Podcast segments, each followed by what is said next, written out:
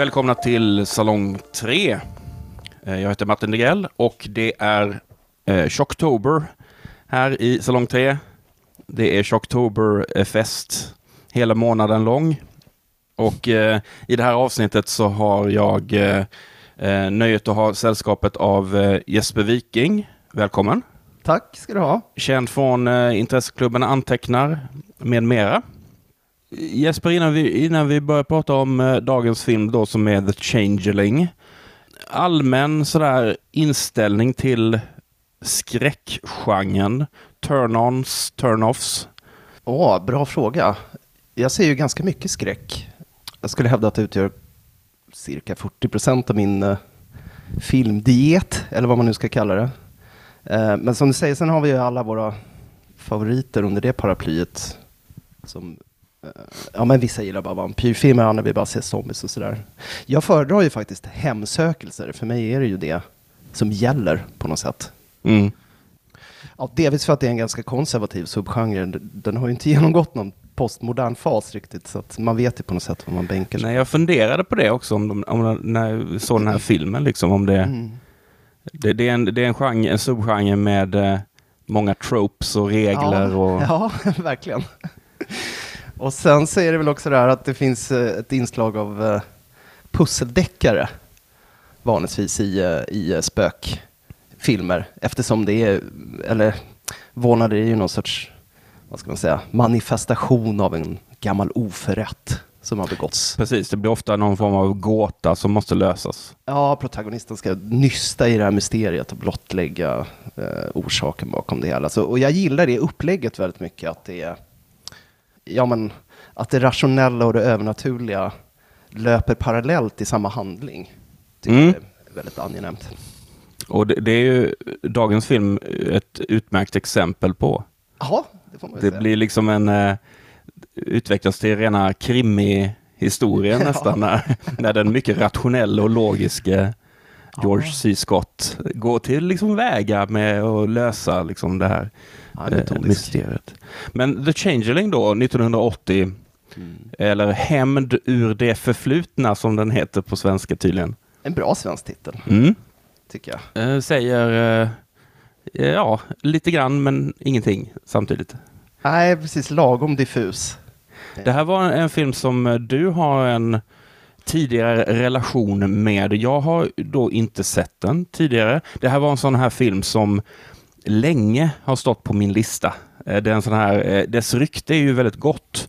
Även om jag upplever att den inte är en sån här super household name sådär. Det, för monsterdiggare och liksom skräckgillare, absolut. Men jag, jag upplever inte att den är en sån här, det är ju ingen mega, det är ju inte en poltergeist liksom.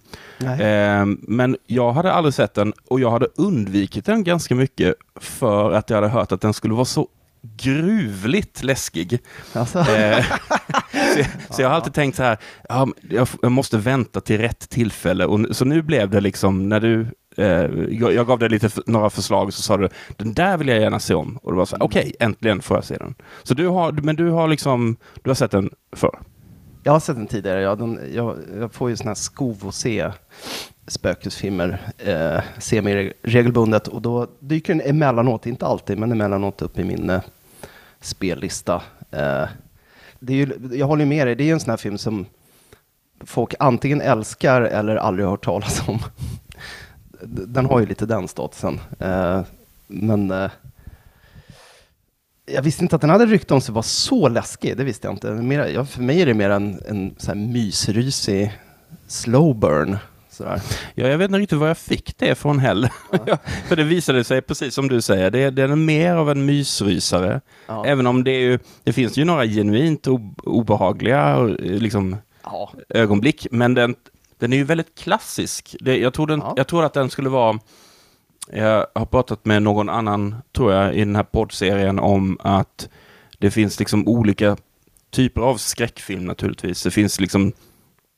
Dels finns det den här väldigt... ehm, ehm, ja men jump scares, eh, effektiv liksom... Cheap thrills. Ja, lite sådär. Och så finns det de här som nästan är mer dread än horror. Alltså just den här... obehaget. Precis, och det, kanske den existentiella liksom, dimensionen av skräckfilm där man verkligen blir så här eh, det vänder upp och ner på begrepp och man, vet, man känner inte igen sin verklighet längre. Den typen av... Eh, och den här är ju ganska traditionell. Alltså den är ju klassisk. Den innehåller ju väldigt mycket av de signum som vi förknippar med just där klassiska Haunted House-rullen. Ja, verkligen. Den är ju knökfull med tropes, faktiskt.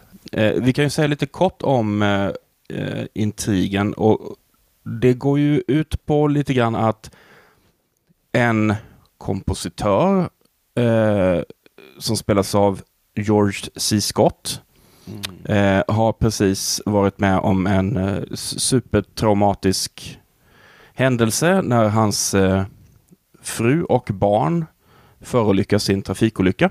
Mm. Och han är totalt under isen såklart och efter mycket om och men så försöker han rycka upp sig och eh, flytta från New York till Seattle där han ska försöka börja om på ny kula och eh, börja undervisa på något eh, något college där som mycket smidigt bara bereds lite plats åt honom på några ja. gamla... ja. Den här fin så här, universitetskorruption, så här, vänskaps... Eh, de bara så här, ja men kom hit och... Det är väldigt nepotistiskt ja. Ja, men eh, och eh, han behöver ju någonstans att bo och eftersom han är ensam så behöver han ju ett gigantiskt kråkslott till hus. det, här, uh, det fanns ju en flygel i huset, det var ju det som var den stora uspen tror jag. Precis, the music room. Ja. Som han mycket uh, praktiskt uh, hittar och det är då ett hus av ett slag som naturligtvis vi som har sett alla de här filmerna vet att säga, men nej, flytta, flytta inte in. Men då är det så att det är vad heter det? är något Historical Society eller något sånt där. Som, Seattle Historical Society. Ja. Som eh, sköter om detta och många andra hus.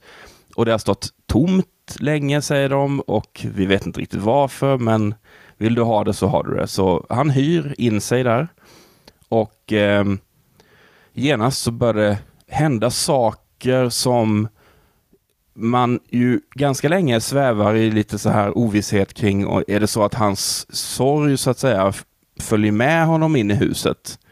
Mm. Eh, eller är det så att det är huset självt som på något sätt är hemsökt då? Så det, det är väl, kan man säga, en sammanfattning av, ja. av handlingen. Det är kul, förlåt, apropå det här att man väljer att flytta in i ett sånt där hus själv. Jag skulle ju få nervsammanbrott av att bo så där stort helt själv. Man har ingen överblickbarhet. Och sen framförallt när alla man träffar kommenterar det med, du vet så här, oh, du bor där. Uh, it's so large, punkt. ja, det är det faktiskt. Jag tror inte det hade behövt vara hemsökt för att jag skulle tycka det var lite Nej, läskigt att bo där. Verkligen inte. Alltså det är ett jättefint hus och de, ja, det det. på nolltid så förvandlas det ju från ett eh, eh, icke bebott, liksom dragigt eh, kråkslott till jättefint ommålat, eh, uppstädat, inflyttat. Ja, det ja, går väldigt snabbt. Det är väldigt uh, effektivt. Så, verkligen från blå tåget till mysbiblioteket och varm, härlig, liksom, akademisk överklassinredning bara på ett dygn känns det som. Men ja, det är otroligt. Är väldigt tvärt, ja, den är väldigt tvärt klippt den här filmen också. Man, får, mm. man blir lite överrumplad över att så här, jaha, nu har det tydligen gått tre månader bara så här från en scen till en annan. Jag tänkte på det också för att den är ganska effektivt eh, ett, i sin etablering. Efter tio minuter så har vi upplevt den inledande trafikolyckan, hans ja. sorg, att han städar ut och flyttar ut från sin vad det verkar, rätt så fancy våning i New York. Aha. Med så här dörrman och grejer. Och sen så sticker han till Seattle, träffar sina kollegor, får tips om det här huset, flyttar in i huset och på ja. allt detta på tio minuter. Har redan hunnit börja flirta med, någon, med en ny kvinna också. Just det, den som är då representanten för det här eh, Historical Society. Som är, är det här Historical Society så täta så att de har liksom jättemycket folk som jobbar heltid med att bara Ja, ja. förmedla. För jag tänkte först att ja, men hon är väl mäklare då? Ja, Men precis. hon verkar bara vara så här, nej men jag håller på med så här filantropi och kontorsarbete, lite kontorsgrejer ja, och så. Sköter arkiven lite grann. Ja. Precis. Trish Vanderveer. Som var gift med Scott Ja, just det. när de gjorde den här filmen tydligen. Ja, det är roligt när de möts första gången också för att det, det, är så, eh, de är som, sk- som skolbarn nästan så här. Hello! Och så, så här långa trånande blickar. Nästan omedelbart. Mm. Eh, Gulligt. Men eh, De- Den är ju mestadels inspelad i Kanada. ja, Eh, och sen är det väl några strate strategiska eh, Seattle exteriörer tror jag. Men eh, hela det här universitetet och allt annat, det är ju ja, Vancouver, men det är ju inte jätte... Det är väl så här ungefär, så jag, jag då som har varit i Seattle tänkte så här, åh, Seattle var fint. Och så bara, inte alls inspelat i Seattle, nej, nej. Så mycket visste jag. Nej, men förstår Men Kanada hade väl också, visst hade de någon så otroligt effektiv så skattepolitik kring filmfinansiering under den här eran. Det var därför Cronenberg fick göra så himla mycket också. Att så här, privatfinansiärer kunde backa Ja, ja. små indiefilmer för att det var avdragsgillt. Mm. Så det fick eh, filmindustrin i Kanada att blomstra. Och sen, men sen är det ett annat system som gäller nu då, för att nu är det ju, fort, det är fortfarande väldigt, alltså mer än någonsin är det ju eh, just Vancouver och Toronto och sånt här. Ja, det är flera filmstjärnor som har flyttat dit till och med. Ja. Är, Och sen så, eh, det var väl där, därför som till slut att den amerikanska filmindustrin gjorde det här motdraget att, eh, så att framförallt så Atlanta och Georgia blev det Ja, nya liksom det. Kanada. ja. Som, det nya eh, förmenta New York på film. Sådär. precis. Bra bakåt. Mm. Så inspelat i Savannah igen. Alla är jättesvettiga och solbrända av någon anledning. Eh, Det här huset är ju eh, häftigt. Det har stått tomt i 12 år berättar de. Mm. Men det kommer också med, liksom, verkar komma då med en vaktmästare och kanske ja, Mr Tuttle. Mr Tuttle. Som jag tänkte så här, hmm, eh, ska han bli, nej, han blev, det är ingenting med honom, han blir liksom inte ett dugg inblandad i själva mysteriet och sådär. Och det är lite ovanligt. Han gör ju en klassisk eh, kliché-grej när eh, George C. Scott, eh, han klagar på att det, det bankar ju så förfärligt i huset. Vad är det, klockan sex på morgonen? Va? Mm. Banka i, i rören eller något motsvarande. Så han är ju, kallar dit Mr. Tuttle. Och han är en sån, eh, han kör den här, eh, han avfärdar ju hela den här grejen med kommentaren A furnace is like anything else, Mr. Russell. It's got habits. It's an old house. It makes noises. Det är en sån fin... eh, Det, med sånt man, sådana argument man kan avfärda Ja, det mesta. ja. Lite en härlig invertering av du vet, den här domedagsprofeten som alltid dyker upp i slasherfilmer. Den här uh, gårdkaren eller bensinmacksägaren som ska varna ungdomarna. Ja, Vad ska ni dit och göra? Åk hem till stan.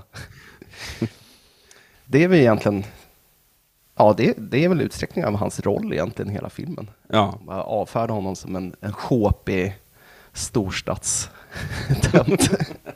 Men hur, någonting som jag undrade när han då han ska flytta in i det här huset, det är liksom att hur kan ingen vara intresserad av att bo i det huset? Alltså om vi nu bortser från att det ser ut som ett så spökhus. Eh, men alltså, är det verkligen så här, nej men här i Seattle så har vi ju överflöd av bostäder så att folk kan ju välja och vraka vad som helst. Jag bara tänker det realistiska i att ett sånt hus står så här, ingen är intresserad av detta. Nej, jag undrar det också, för hon nämner ju också vid tillfälle, eh, Vandeveer där, att ja, vi har ju ett antal sådana här hus. Och han frågar, ja, vad, vad, vad krävs för att förvalta ett sånt här hus? Hon säger, ja, vi har en man som sköter allt det här. Det är väl Mr. Tuttle då. Ja, stackars Tuttle får Han får gå... inte sova många timmar på dygnet den karln om de har x antal sådana där herrgårdar som han ska hålla i tip-top shape. Men eh, jag antar att det är bara gå dit och se till att värmen är på och så, där, så att inte rören fryser igen, I guess. Men, Men vad skulle, vad skulle få dig att flytta in i ett sånt hus? eh, jag skulle inte göra det, inte om jag var själv. Jag tycker det är obehagligt att inte ha någon överblick. Jag skulle, jag vill gärna ha- någon form av så här, spatial audiovisuell kontakt med min boyta. Just det, tredje, jag vet, det känns som att han inte ens rör sig på övervåningen överhuvudtaget. Nej, jag tänkte på det också, att det, det är också den typen av hus som är så stort att han bevisligen knappt vet, så här, jaha, oj, där fanns det några rum till. Och det det är väl det yttersta beviset på att men du behöver varför måste du bo där i ett sånt gigantiskt... Oj, kolla här. Ja, här var en garderob. Jaha. Oj, vad är det här för grejer? Mm. Går och tänder släcker lampor. Men det, jag, jag tänkte ju då på, återigen då Mr Tuttle, så tänkte jag, okej, kommer det här att vara en äkta spökhistoria? Eller kommer det vara någon sorts, det jag alltid är sugen på men som aldrig händer i riktiga filmer, det vill säga Scooby-Doo-slut Ja. liksom. Ja, ja, Att det visar sig att det är- Precis, att det är Mr Tuttle som drar i spakar och trycker på knappar så att det låter. Och. Ja. Det verkar vara, det, den lösningen verkar vara helt ute i eh, modern film. Ja, precis. Man ser nog inte förutom i just Scooby-Doo-filmerna som, Mm. som har gjorts. Men eh, det är sant. Jo, men det finns väl en sån här, eh, vad heter den, April Fool's Day. Det är ju en klassisk sån Just det, det är sant. prank-rysare. Ja. Eh, för annars är det ju liksom det, det, det finns ett i den här genren som ju då är ganska konservativ eh, på många håll. Då finns det oftast ett par lösningar och det är liksom antingen är det övernaturligt Mm. eller så är det inte övernaturligt och så är det en mördare eller något istället. Mm. Eller så är det då inte övernaturligt och så är det så här Scooby-Doo eller gaslighting. Ja. Eller, eller så är det någon psykologisk... Eh, Ja, it's all in your head. eh. Ja, exakt. För, för upphöjd skräck som det Mm. kallas nu för tiden. Det är lite intellektuellt gångbart. Och här är det ju ganska, ja, det blir ju ganska tydligt ganska snart tycker jag. Eller jag började, jag hade inga större tvivel om att, att det skulle vara något, eh, någon ligger bakom eller att han skulle själv ha, att eh, då. George C. Scott skulle själv ha iscensatt alla de här sakerna eller sådär. Eh, för hans sorg i den mån den finns är till en början är det, det är ju liksom katalysatorn för hela filmen. Ja. Men jag måste säga att den, den följer liksom inte med honom så väldigt mycket mer än att det sen blir någon sorts automatisk koppling mellan då det här hemsökande barnet Mm. eh, och hans egen dotter och att det liksom, han gör någon sorts koppling där först kanske tror att det är, är det hon som ja, till, exakt. kommer och, och sådär.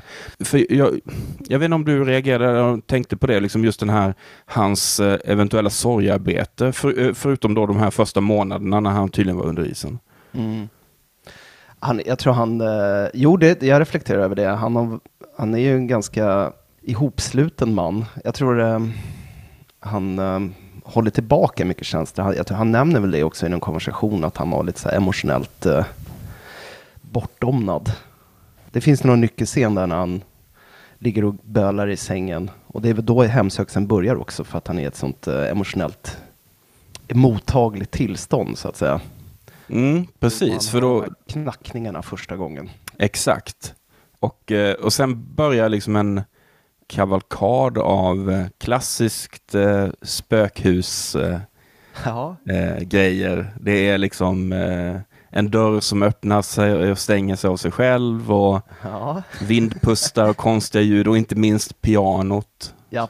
Och, och naturligtvis, Långsam inzoomning på en pianotangent. Precis. Och sen själv. naturligtvis då också den här eh, mycket effektivt använda studsbollen.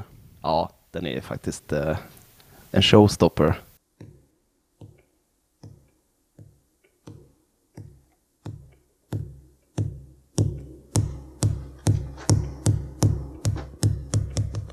Det är den folk oftast hänvisar till också när man pratar med folk som har sett den. Att det här med Ja, det var, det var nog nästan det enda jag visste om om den, att den, den här studsbollen.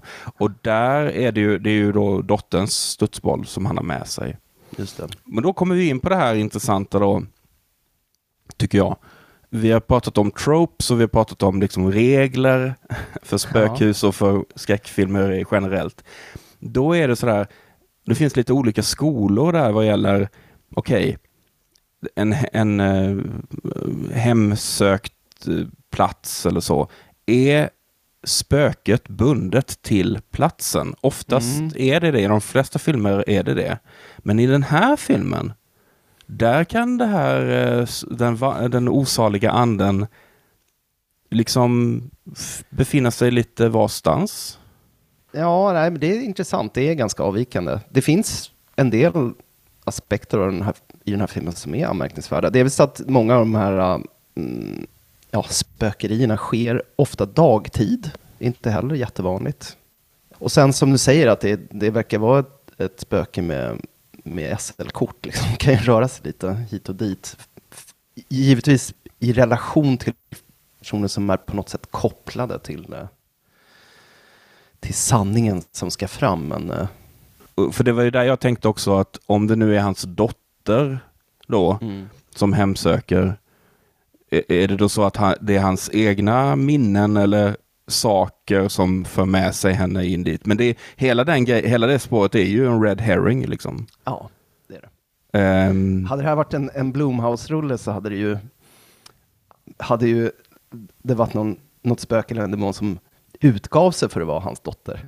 Det någon, sorts falsk säkerhet. Den här är ju väldigt upfront med, med handlingen på något sätt. Det är inga, eh, det är inga skuggspel på det sättet. Nej, det är det inte. Och, och där är ju även Scott då, alltså hans karaktär är ju dessutom väldigt rakt på sak. Han är väldigt, Ja, han- är väldigt så logisk och resonerande och han är så här, okej, om det är det här som gäller, då följer vi det här spåret tills det tar slut och sen, nej, det gav ingenting. Ja. Och sen så, alltså han är väldigt rationell. Först då med det här mediet.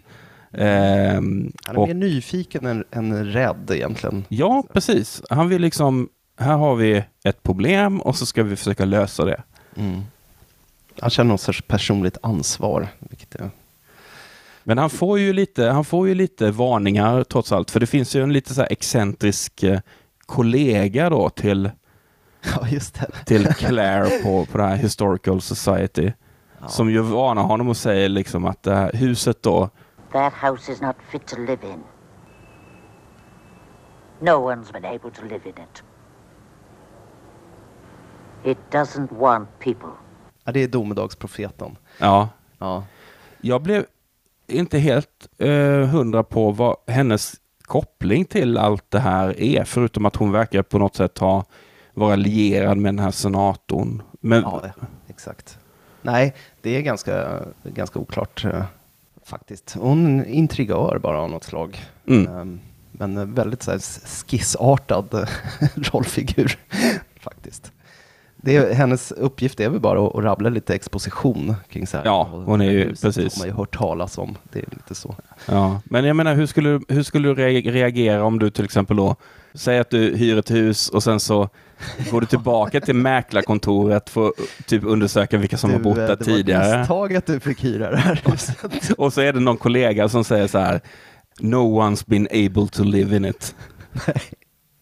ja, här har du nycklarna. Ja, precis. Jag tar in på motell så länge. Kan ju hojta till när flyttfirman är klar. Men till slut så hittar ju då eh, Scott upp till eh, vinden i princip. Alltså det, det finns ett, på klassiskt så här eh, eh, Poe-aktigt sätt så finns det ett eh, igenbommat rum. Ja. Först är det en garderob och bakom den garderoben finns en dörr och bakom den dörren finns en trappa. Ja.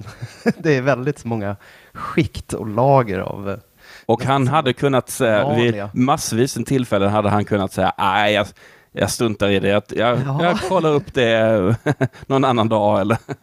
Men han, så hittar han då den här eh, väldigt dammiga och spindelvävstäckta lilla rummet med en pytteliten rullstol och ett pyttelitet skrivbord, en liten skrivpulpet. Mm. Och eh, där får vi då Så liksom rum.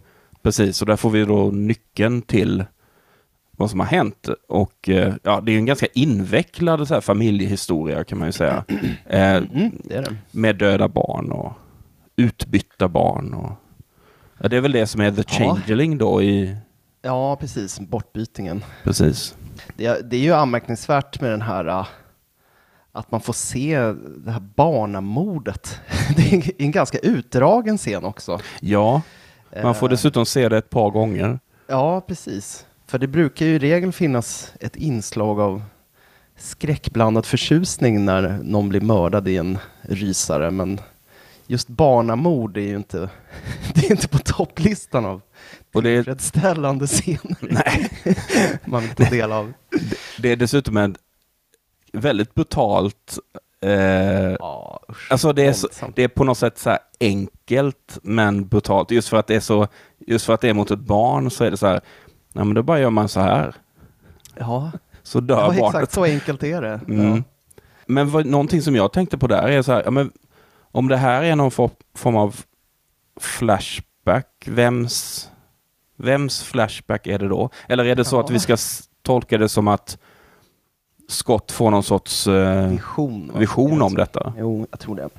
Ja. Att han får en vision. Men jag, jag håller med så här, vem är det som ser det här? Men det är väl då barnets ande kanske som är uppe i taket vid det laget. Eller något motsvarande.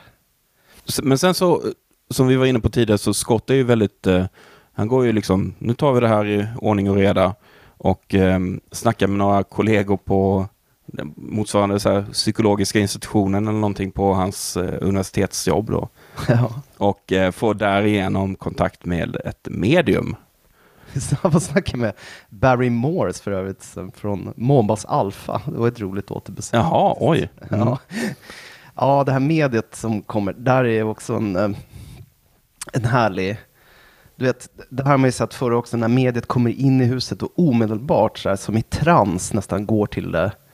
Ja, direkt bara avviker och... ja. För hon känner av den här närvaron så intensivt. Eh, det är en fin, eh, en fin klyscha också. Men det är ju fint och, och, och så får vi också en sån här, eh, alltså jag, jag vill helst undvika att säga klyschor för att det, det, det är så Mm, varsamt och fint gjort så att det, Ja, det är det, är liksom inte klyschor. Även om det är så här, vi känner igen det, eller det, allting känns väldigt eh, Ja, det är så här det ska gå till. De kör en seans, spelar in seansen eh, med rullbandspelare och när han lyssnar på det efteråt så hör man ju naturligtvis eh, den här barnets röst. Ja. We are here to help you. What is your name?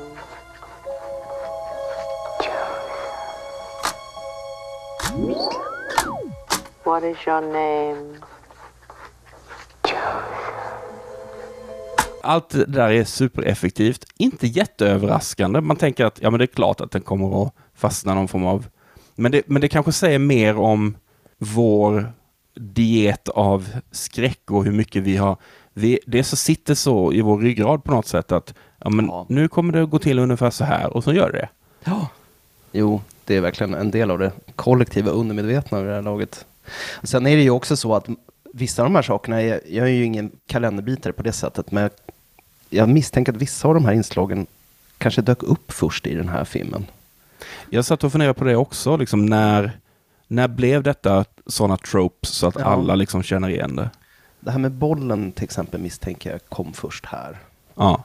Men, och kanske även fantomrösten. Jag är inte säker. Men eh, effektivt är det oavsett. De Verkligen. är ju bitvis väldigt kusliga de här scenerna. Sen, även om jag egentligen inte skulle klassificera det här som en eh, skräckfilm riktigt. Det är ju mer av ett moraldrama med kusliga inslag. Faktiskt. Än en renodlad rysare. Sådär. Eh, Och särskilt um, upplösningen av det kan man väl säga. Ja, Ehm, verkligen. som ju då inblandar en, ehm, en eh, Senator. gammal senator eh, och eh, så här rik knös eh, filantrop och, och så här. Och han blir ju då, vi behöver inte gå igenom alla turer fram och tillbaka. Det, det är som sagt, det var mer invecklat än vad jag Ja. trodde det skulle vara. Men det är en bra Eh. Det är ju Melvin Douglas som... Ja. eh, jag menar, han var så kul tycker jag. Han hade ju sån... ehm, han hade en annan fas i sin skådiskarriär på något sätt när han blev gammal. För under Hollywoods guldålder där när han, han och typ William Powell slog som samma roller jämt och skulle alltid spela såna här ja, men ironiska charmörer på cocktailpartyn. Sen när han blev gammal då fick han alltid spela just den här typen av rollfigur. Då var det liksom grå eminenser och kungamakare. som Ja. hade- Och han gör ju det väldigt bra. Jag tycker han är väldigt bra i den här filmen också. Och han är, Han är jättebra. ja, hans rollfigur är ju egentligen den enda i filmen som är riktigt skräckslagen faktiskt. Men det är väl just för att han bär på den här mörka familjehemligheten och, och skammen över det. Ja, och länge så går man ju och funderar på hur mycket vet han egentligen? Hur mycket är han medveten om sin roll i det hela? Och det har ju, tycker jag, viss bäring på huruvida man på något sätt kan tillskriva honom en skuld i detta. Ja, jag vet egentligen inte. Eller hur? För att Ja, i någon mån så är han också något sorts, han är ju egentligen offer. offer, ja, eller åtminstone oskyldig liksom. Ja, ja, absolut. Och det här spöket tycks ju ha en väldigt så tydlig öga för öga, tand för tand. Men Ja. på vilket sätt hjälper det rättvisan om vi söker liksom senatorns död i det hela? Nej, men rätt ska vara rätt. Så är det. Även när det inte är det. ja. Det är principen. Ja, Det, jag, jag håller med om att han är, jag vet inte, kanske att han har haft någon underlåtenhet och liksom eh, träda fram med sanningen, men vem hade det gynnat egentligen? Eh, nej precis. Ja, det, det är intressant det där. Jag ja, fel eller skuld är väl att han liksom eh, har mörkat för sin fars skull då, eller adoptiv. ja, det skulle väl vara det då. Mm. Jag tycker det, det finns en eh, intressant diskussion om eh, eh, skuld och sånt här eh, som inte riktigt eh, kommer fram i filmen, men det, det har man kanske inte riktigt tid till heller. Helt klart är det ju att den senatorn är ju tyngd Ja. när, när det kommer till kritan ja, av den här vetskapen. Och eh, jag tänkte idag hade, det hade allt det här bara löst med här DNA-prov och sen så var det ja, klart. Liksom. så var det med det. ja, det var en enklare tid, eh, samtidigt en mer komplicerad tid i vissa frågor. Men eh, Scott blir ju mer och mer ehm, fast i det här. Han, han, han måste lösa allt det här. Han blir besatt. Han blir besatt av det. Även nu då han ju ändå inser att så här, nej, okej, eh, det är ju inte min dotter till exempel som kontaktar mig. Men nu får han en, en ny kurs på något sätt, att han liksom eh, ska försöka ja, lösa det här mysteriet. Som vi var inne på tidigare, det blir nästan som en sån kriminalgåta. Han, han sitter i så pressarkiv och med mikrofilm och kollar, liksom, kollar igenom gamla arkiv. Och, Vad mysigt för övrigt att sitta och kolla på sån här mikrofilm. ja, supermysigt. Mm. Och så hittar ju han och eh, Claire då, som han väl har en liten relation med. Ja, eh, det är nu. outtalat. Det är lite outtalat. men man förstår, eller om man läser mellan raderna så har de väl någon sorts ja, men, romans. Ja. Då. Och det, det kanske eh, mest eh, intressanta eh, aspekten av hans besatthet här är, är den här, nu gräver vi upp källaren hos en, hos, hos en helt o, oskyldig främling där vi tror att någonting har hänt. Ja. Det, hela den sekvensen tycker jag är jätterolig, när de bara kom, när han kommer hem till den här kvinnan och hon tveksamt låter honom titta lite och sådär. Och sen så är det ungefär ett bryskt klipp. Och sen så är han så här six feet deep och, och gräver. Och så har kört motorsåg genom hela golvet. Ja. ja. Ja, det är väldigt roligt. Jo, för precis, för det ligger huset är byggt över en, en gammal brunn. Det är också en sån fin eh, Ja, traditionell eh, del av en spökhistoria. Att någon har blivit slängd i en brunn. Det är fint. precis. Och, och det, men det är också lite ovanligt just det här att, och jag funderar på huruvida det är, huruvida det bara hade kunnat vara enklare om eh, det här barnet mördades och begravdes eller dränktes eller liksom hys- hystades ner i, i en brunn på, på liksom ägorna. Så jag, Jo, precis. Det var, men var det inte en del av, det var, det var någon gammal ranchmark som, som mördaren ägde va? Som de hade byggt över med, just det, för det var ju på den gamla tiden där det ja. såg Precis. annorlunda ut. För annars är det ju rätt bra alibis för man kan ju, då kan man ju hävda att så här, ja, han trillade ner i brunnen och drunknade. The perfect murder. Men problemet är att de behövde ju inte... Kroppen fick ju aldrig hittas, det var ju det som grejen. Nej, jag vet. Eller hur? ja, det är inte helt uh, vattentätt det här. Nej. Eh, men eh, det är ett väldigt fint hus vid kusten. Verkligen. Jag tyckte verkligen synd om den här modern och hennes skräckslagna dotter som ser det här uh, spöket försöka bryta sig genom golvet varje natt. Det kan inte varit roligt när man bor så idylliskt. Så, jag förstår att han fick tillåtelsen då att joxa där. Det Och där är det, där är väl enda egentligen tillfället då polisen blir liksom inblandad Mm, på riktigt. just det.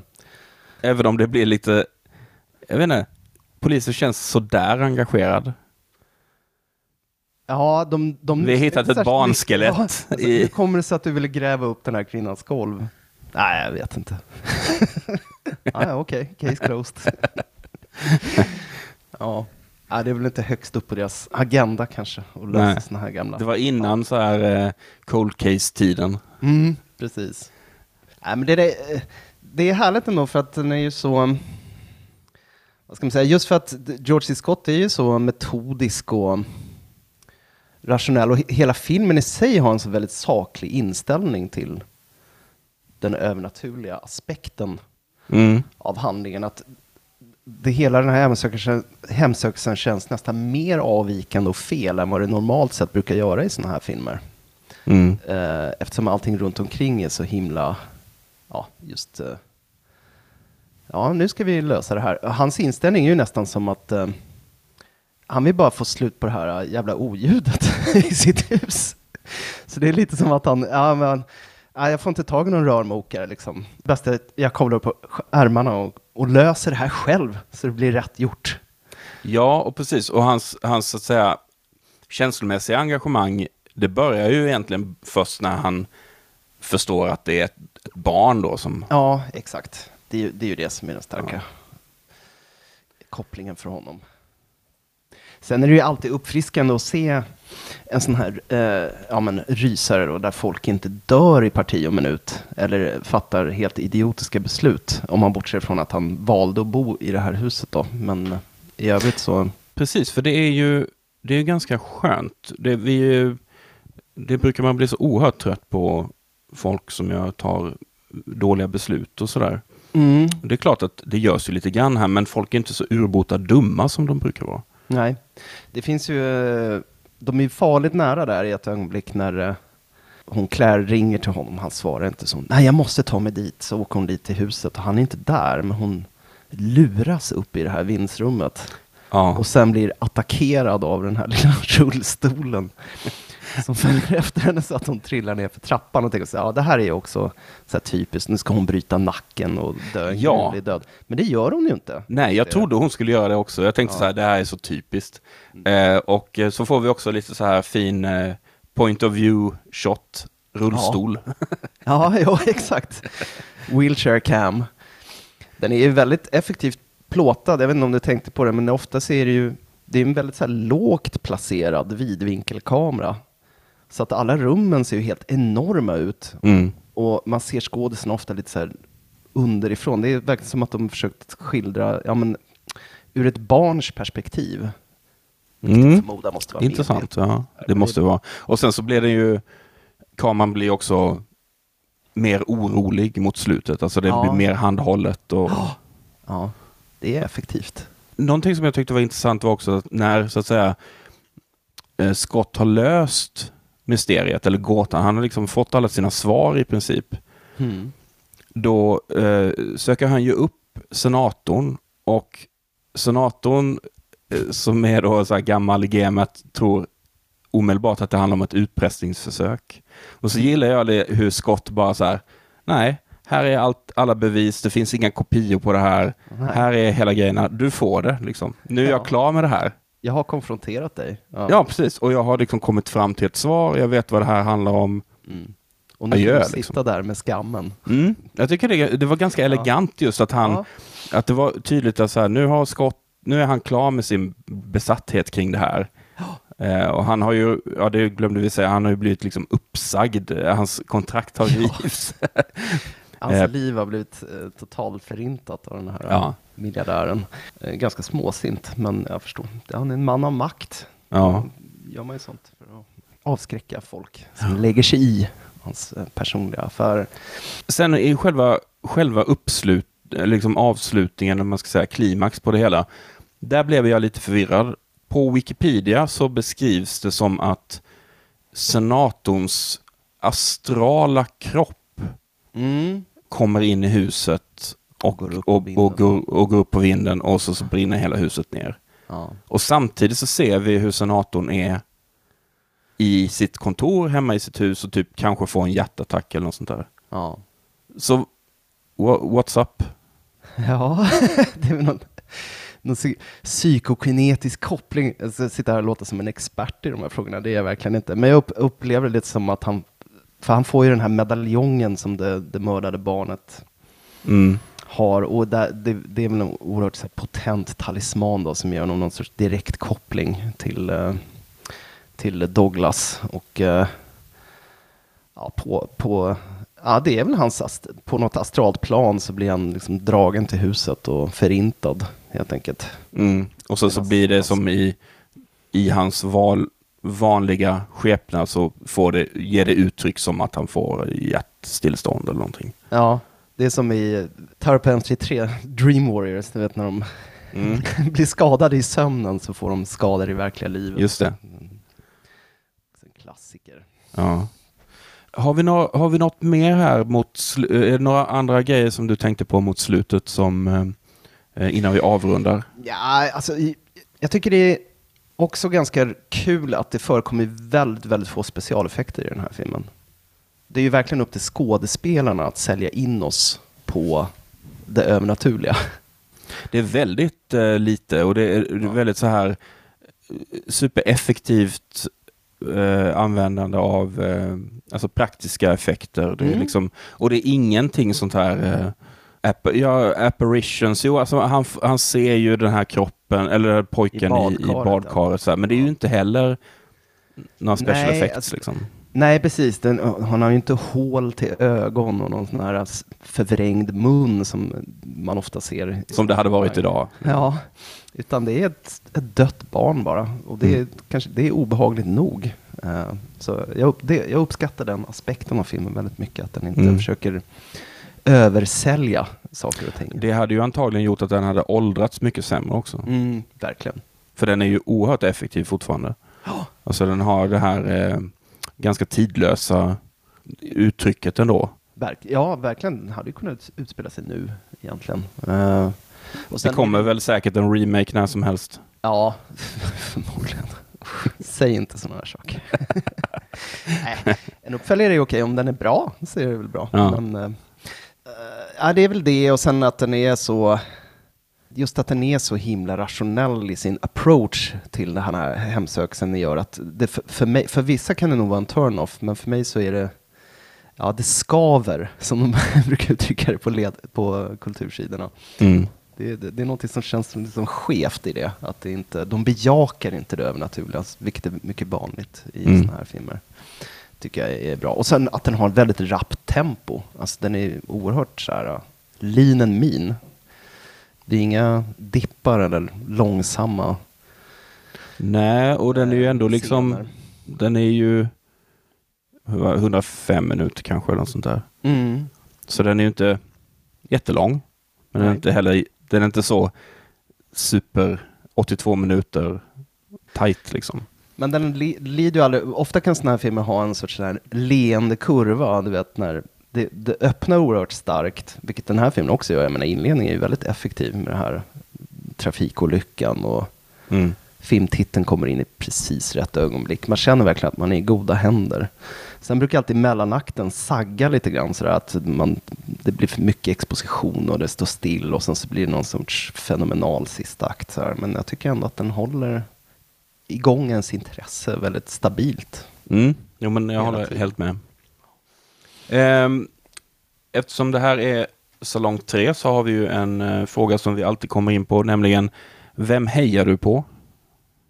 Vem hejar jag på i den här filmen då? Mm. Såklart. Nej, men jag skulle heja på... Jag hejar nog på Claire, tror jag.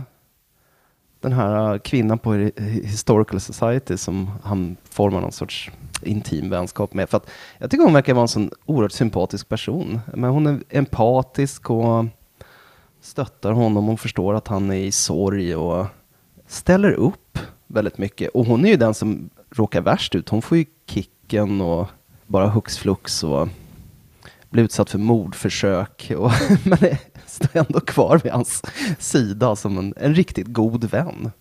Så- Ja, jag gillar också hennes, den karaktären. Ja. Då, vem ska jag heja på då? Ehm, ja, då hejar jag på ehm, den här kvinnan som har huset som blir uh, uppgrävt.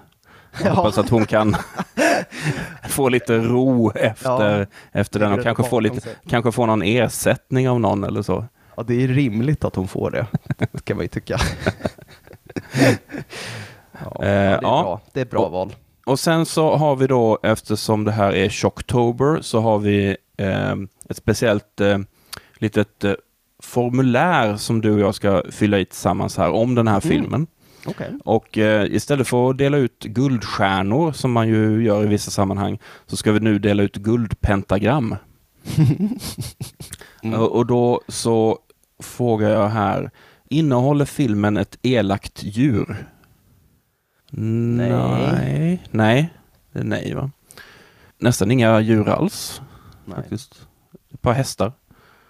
Finns det ett ondskefullt barn? Ja, det är ju en bedömningsfråga Ja, kanske. det är det i sanning. Eh, men on, ondskefullt.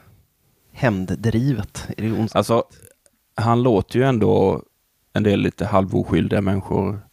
Jo, hänsynslöst barn. Ja, säga. jag säger ja där Mm, gör det. Silverstjärnan kanske. Bygger filmen på, eh, eller innehåller filmen ett satanistiskt eller ockult innehåll eller tema? Nej. Nej. Bygger det på en myt, en saga eller en vandringssägen?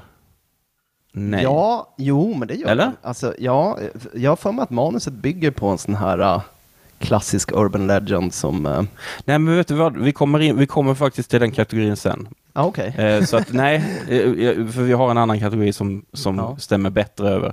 Men eh, innehåller filmen eh, en kniv? Eh, nej. Nej, Eh, så uppfriskande faktiskt. innehåller filmen serie eller massmördare? Nej. Nej, Eller? Nej. Effektiva jump scares? nej. Det här är inte en jump scare-film. Nej, det är ju inte det, trots eh, genren liksom. Ja. Men det här då, Based on a true story. Ja, Eh, för där hävdar ju den, story. han som kom på det, att det verkar, han säger ju att det ska bygga på upplevelser som han själv har haft. Just det, så var det ja. Någonstans. Så vi sätter inom, inom citationstecken based on a true story. Det kan ju Ehm. vara ett, bara ett listigt sätt att sälja in ett manus. Ja, såklart. aldrig. Men vi säger så. Det här då, baserad på en bok, en tweet eller en dröm av Stephen King? Gud, vilken Nej. bra, vilket bra kriterium. Nej, det är Ja. givetvis nej, nej på den. Eh, och sen då eh, innehåller filmen korkad eller oförstående polis eller annan myndighetsperson? Ja. Ja. Mm. Då ska vi se, då blev det tre guldpentagram till eh, The Changeling. ja. Mm. Utifrån frågornas natur så skulle jag ge, säga att det är väldigt positivt att de fick tre. Ju färre sådana här pentagram man ska få, få desto bättre. Ja, det finns olika sätt att se på det. Ja, det gör det ju självklart. Mm. Vi, har ännu inte, vi får se om det är någon av de här filmerna som kommer upp i tio. eh, du får lägga till den här frågan som dy, faktiskt dyker upp på den här som också är en sån här eh, innehåller filmen en en självspelande sån här speldosa Ja, som plingar en vemodig vaggvisa. Det, ja, det där, är- ja precis, den har- pratar vi inte om, men det, det, den, det är ju också en sån, det har ju liksom blivit en egen trope. ja, ja, Ja, ja det är fint. det är väldigt stämningsfullt. Ja, detta var alltså The Changeling. Eh, Jesper, tack så mycket för att du ville vara med och prata om denna rulle. Ja, men tack själv. Det var jättetrevligt. Och eh, vill man så kan man med fördel lyssna på intresseklubben Antecknar som du har med Per Persson där ni diskuterar en massa olika filmer Ja, och årtal och genrer och regissörer och allt möjligt. ja vi är helt uh, styrslösa. vi bara flaxar omkring i, i filmhistorien. Och om man bor i Stockholm blir det några fler quiz. Jag vet att ni har, har haft en Ja. quiz ganska nyligen. Ja, precis. Vi hade nyligen ett tåg-tematiskt quiz. Um, vilket var väldigt kul för att då är man inte låst till en genre så där, utan vi hade bara tåg som röd tråd. Och i, vi ska ha ett quiz till i mars 2022. eh, där vi inte riktigt har bestämt temat än, men det blir förmodligen på tema skola. Mm. Skolmiljöer. Så det blir roligt. Det finns mycket att ösa ur. Ja, det är också väldigt genreöverskridande. Så. Ja, kul. Mm. Ja, det får ni hålla utkik efter. Och, eh, men då tackar jag så mycket Jesper och så säger vi hej då. Hej, ha det fint!